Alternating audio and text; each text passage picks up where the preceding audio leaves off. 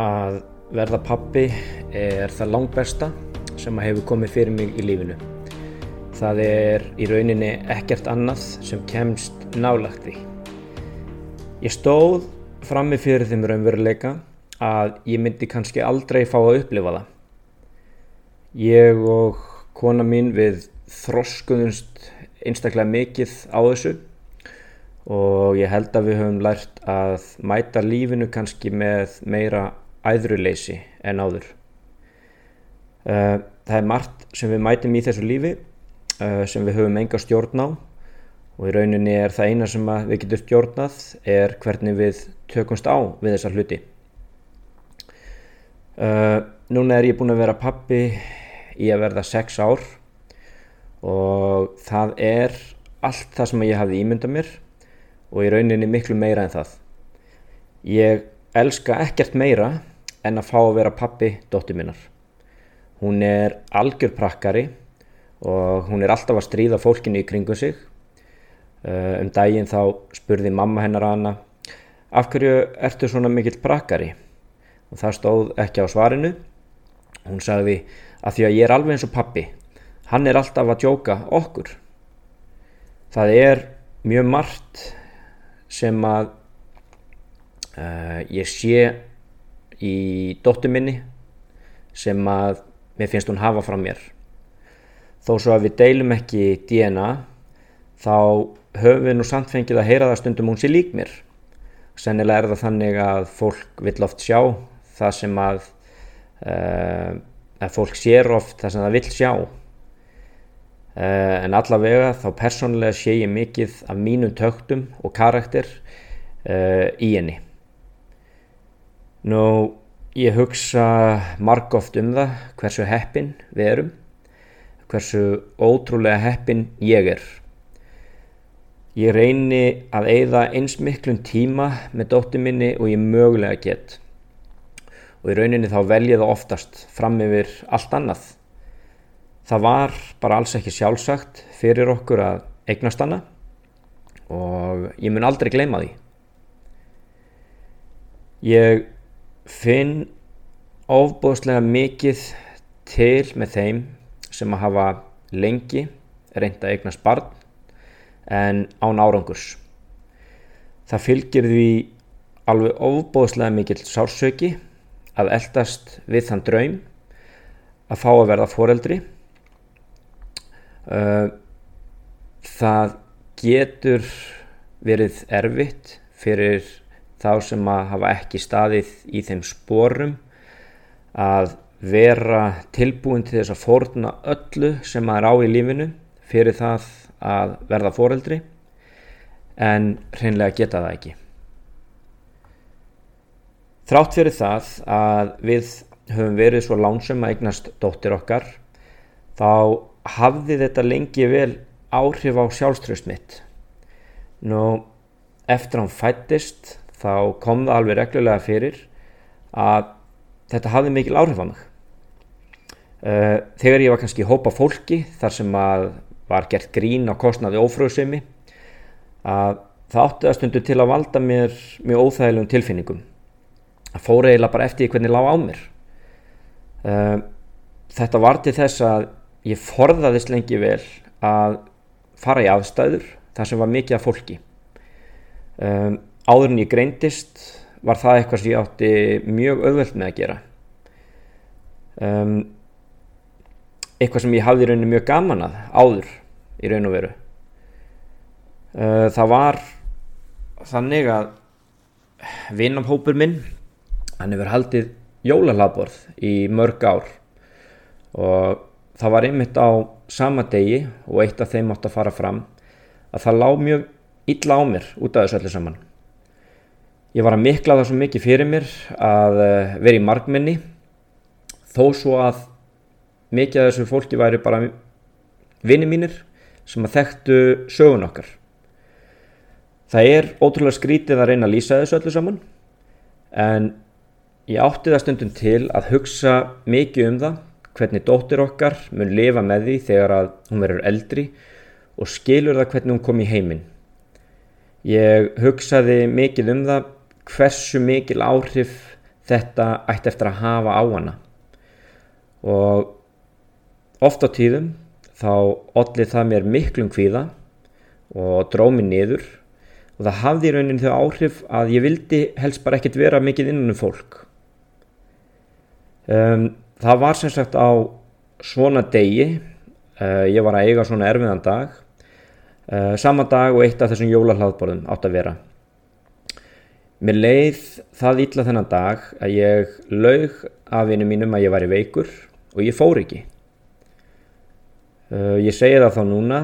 Sorry strákar, ég veit að þið vissuð ekkert um þetta en svona var þetta bara. Nú í dag uh, þá horfi ég allt öðruvísi á þetta. Uh, 99% af tímanum er ég ekkert að velta þessu fyrir mér ég hef ofbóðslega mikla trú á sambandi mínu við dóttu mína nú dóttu mín er svo sem að hún er ef það væri ekki fyrir þessa sögu þá einfallega væri hún ekki til. Ég myndi aldrei vilja breyta neinu ef ég gæti það. Hún er það besta sem að hefur komið fyrir mig. Hún er verðlaun, sársveikafullrar, baróttu okkar og við elskum hvort annað algjörlega skiliðislaust. Það mun komast á tími þar sem að hún lærir að skilja lífið betur og hver saga hennar er. Það er ekki okkar að ákveða hvað hún velur að gera þegar hún verður eldri. Ef hún finnur þá þörf að þurfa að vita meira um sinn uppbruna, þá verðum við undir það búin. Ég væri að ljúa að ykkur ef ég segði að það væri sérstaklega auðveld tilhugsun. En samt sem áður, þá mun ég styðja dóti mína í öllu sem hún ákveður að gera. Ég er pappennar og hún mun alltaf geta treyst á mig að hjálpa henni í hennar lífi. Fjölskyldur það er verða til með alls konar hætti og út frá alls konar aðstæðum. Sum börn eiga tvær mömmur, sum börn eiga tvo pappa, sum börn eiga bara eina mömmu og engan pappa eða öfugt og allt þar á milli. Nú, það var hálfu ári eftir að dóttir okkar fættist að ég skipti um vinnu. Ég hætti hjá Air Atlanta og byrjaði að fljúa fyrir Váer. Nú að því að ég var loksins byrjaði að vinna við það sem ég hefði mentað mig við, þá hægt og rólega fór fjárhagur okkar að lagast. Við vorum ennþá í leiguhúsnæði en vorum núna að njóta þeirra forréttinda að geta lagt eitthvað fyrir. Við byrjuðum að leggja fyrir og okkur langaði að eignast fjölskyldu heimilið saman. Það er því næsta verkefni. Um, það er freka fyndið hversu fljót við getum verið að gleima. Ég hef ekki tölu á því hversu oft við vorum spurð að því já, á nú ekki að fara að koma með annar barn, á ekki að fara að gefa henni sískinni. Þrátt fyrir það að það hefði ekki verið leindamál hvernig dóttir okkar var til að þá var augljóst að fólk var oft búið að gleima þessu. Það sem hefur virkað best fyrir mig er að reyna að sjá húmórin í þessu öllu saman og vera ekkert að taka þessu neitt of alvarlega. Það varð vissulega auðveldara eftir, því, eh, eftir að við eignum stóttir okkar og með tímanum. Nú, það var þegar dóttir okkar var um þryggjar og gömul að við fórum að tala um það hvort að við ættum að fresta því að sapna okkur fyrir íbúð og reyna að eignast annað barn. Báðum langaði okkur rosalega mikið í annað barn.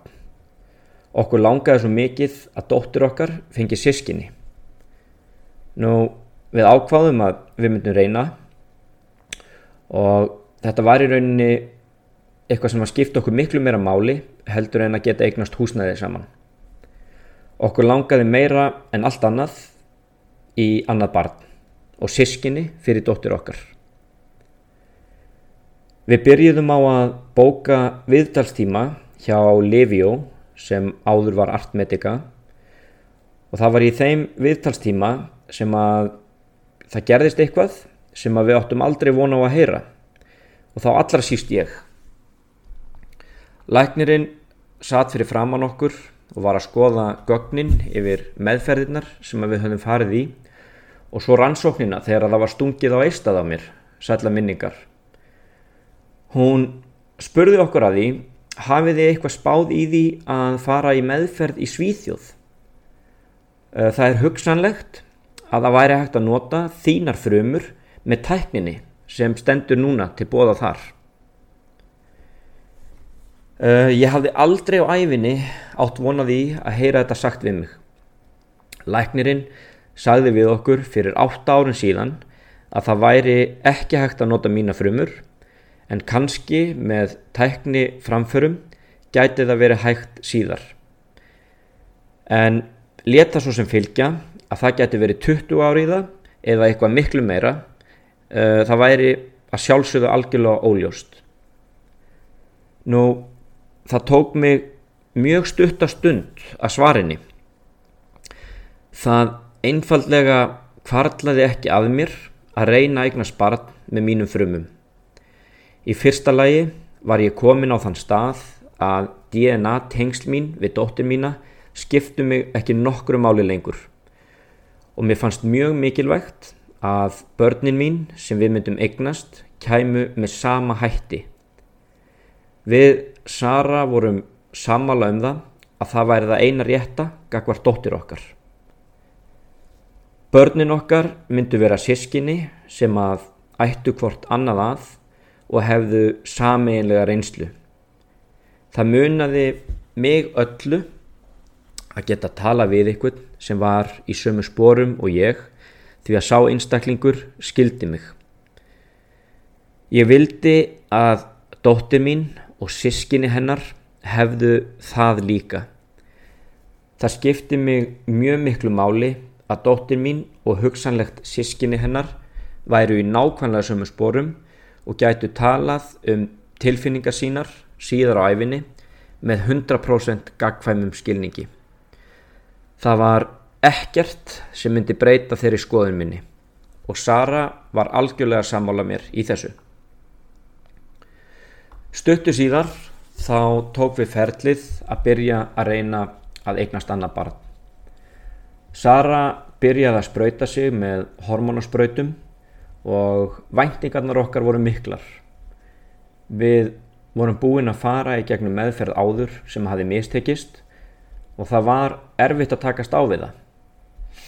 Í þetta skipti þá hjálpaði hins vegar alveg ómetanlega mikið að eiga dóttir okkar. Því að núna gáttum við mynd okkur á það hvað við værum heppin að eiga hana og við vorum svo ótrúlega þakklátt fyrir það. En laungunin okkar að eignast annað barn var orðin ofbóstlega mikil. Við fórum í þrjár meðferðir í rauð sem að allar mistókust og hvert einasta skipti var erfitt og vonbreyðin tóku mikið á. Við höfðum ekki sagt mörgum frá því að við værum að reyna að eignast annar barn, bara nánustu fjölskyldu og örfáum vinum. Eh, eftir þriðju tilraun sem hafi mistikist, þá var ég að segja vini mínu frá því gegnum síma. Ég var frekar niðurlútur, eins og má segja, og hann reyndi að hressa mig við og sagði Andri, senda hana bara til mín og ég græði þetta fyrir þig. Nú, hann vissi svo sem vel að ég geti tekið þessu. En stundum er það þannig að vinir ykkar eða jafnvel fjölskyldumöðlimir munu segja hluti við ykkur sem þau meina ekkert ílt með en það kemur kannski illa við ykkur. Það geta verið einhverjir svona brandarar eða jafnvel einhver voðalega fín ráð sem að þið langar kannski helst að hrista hausin yfir. Uh, munum að þau sem hafa ekki staði í þessum spórum, þau geta átt erfitt með að skilja þetta allt saman. Það er einfallega við því að búast. Nú, það var svo í kringum fjórðum meðferð að fjölmiðlar fóru að fjalla mikið um váer og stöðu félagsins. Það tók mikið á að vera á fullu að reyna eignast annað barn og nú fóru að bætast við áhyggjur af vinnunni. Þetta skipti okkur orðið það miklu máli að þó svo að við værum að geta upp sparifjöðið okkar sem gæti verið gott að eiga ef að ég er þið atvinnulegs uh, að þá urðum við að halda áfram. Þetta var aftur orðið forgangsatriði nummer eitt hjá okkur og við myndum gera allt sem við gætum til að láta þetta ganga upp. Uh, við heldum áfram að reyna, meðferð fjögur, hún mistókst og meðferð fimm, hún mistókst, meðferð sex, hún mistókst og í beinu framhaldi af henni komu ofbóstlega vondar fréttir. Váer fór á hausin. Óvissan sem að fyldi því var rosalega vond. Við höfðum eitt miklum peningum í meðferðir og núna hafði ég mist afturvinnuna á sama tíma og við vorum að reyna eigna spart.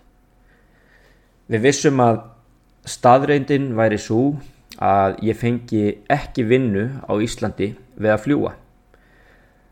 Svo að þetta þýtti ekki bara að ég misti vinnuna, heldur vissum við að annarkvort myndum við þurfa að flytja erlendis og því algjör óvissa um áframhaldandi meðferðir eða að ég myndi þurfa að finna mér vinnu erlendis og fljúa heim í vaktafríum til þess að vera með fjölskyldunni. Það var mjög erfitt að trúa því fyrstu dagana að það gæti komið eitthvað gott útrössu og að meðan einartir lokuðust að aðrar myndu opnast. Við fórum alveg á fullt að skoða hvað væri í bóði. Við tókum, uh, fyrsta ákvörðinu sem við tókum var að við myndum reyna að gera einhvers konar ævintýri úr þessu og að við myndum flytja saman erlendis. Nú, Eftir miklar vangaveltur þá réði ég mig í vinnu í Suðaustur Asju þar sem við búum núna. Allt þetta podcast er tekið upp á meðan að COVID-19 gengur yfir heiminn og það er því að sjálfsögðu algjörlega óljóst hvað verður um vinnuna mína í þetta skipti en það er ekki í okkar höndum og það sem á að gerast mun gerast. Nú, í lok november 2019 uh, þá fóru Sara og dóttir okkar til Íslands. Uh, við höfum ákveðið að í þessari ferð að þá myndum við reyna einu sinni enn og við rættum um það að kannski er þetta síðasta tilraunin. Í fyrsta lagi þá vissum við ekki hvenna Sara geti farið aftur til Íslands eftir þessa ferð og í því landi sem við búum núna er ekki hægt að fara í svona meðferðir. Þetta var líka farið að taka mjög mikið á okkur andlega eftir margar misefnaðar meðferðir í rauð. Okkur langaði að geta haldið áfram við lífið okkar. Því við vitum það öll sem förum í gegnum svona ferðalag að lífið okkar fer eiginlega bara á byggð. Það einfallega fer allt að snúast um þetta og maður kemst einhvern veginn ekki áfram. Þetta var eiginlega orðin kabli í lífin okkar, lífin okkar sem að okkur langaði að geta lokað en þráinn að eignast annað barn lefði okkur hreinlega ekki að hætta. Nú, nokkrum dögum eftir uppsetningun á Íslandi þá flögu stelpunar aftur frá Íslandi. Nú það var svo á þriðju viku eftir uppsetningu að Sara tók óléttupróf. Jákvægt óléttupróf. Það er algjörlega ólýsanlega tilfinning eftir allan þennan tíma að núna eigum við aftur von á lítilli prinsessu. Núna í lok ágústmánadar. Dóttir okkar er að verða stóra sýstir.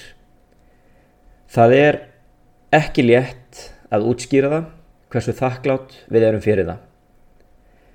Þegar við sögðum dóttir okkar fréttinnar þá tók hún utanum mömmu sína með tárin í augunum og sagði við okkur Takk fyrir að setja barn í magan.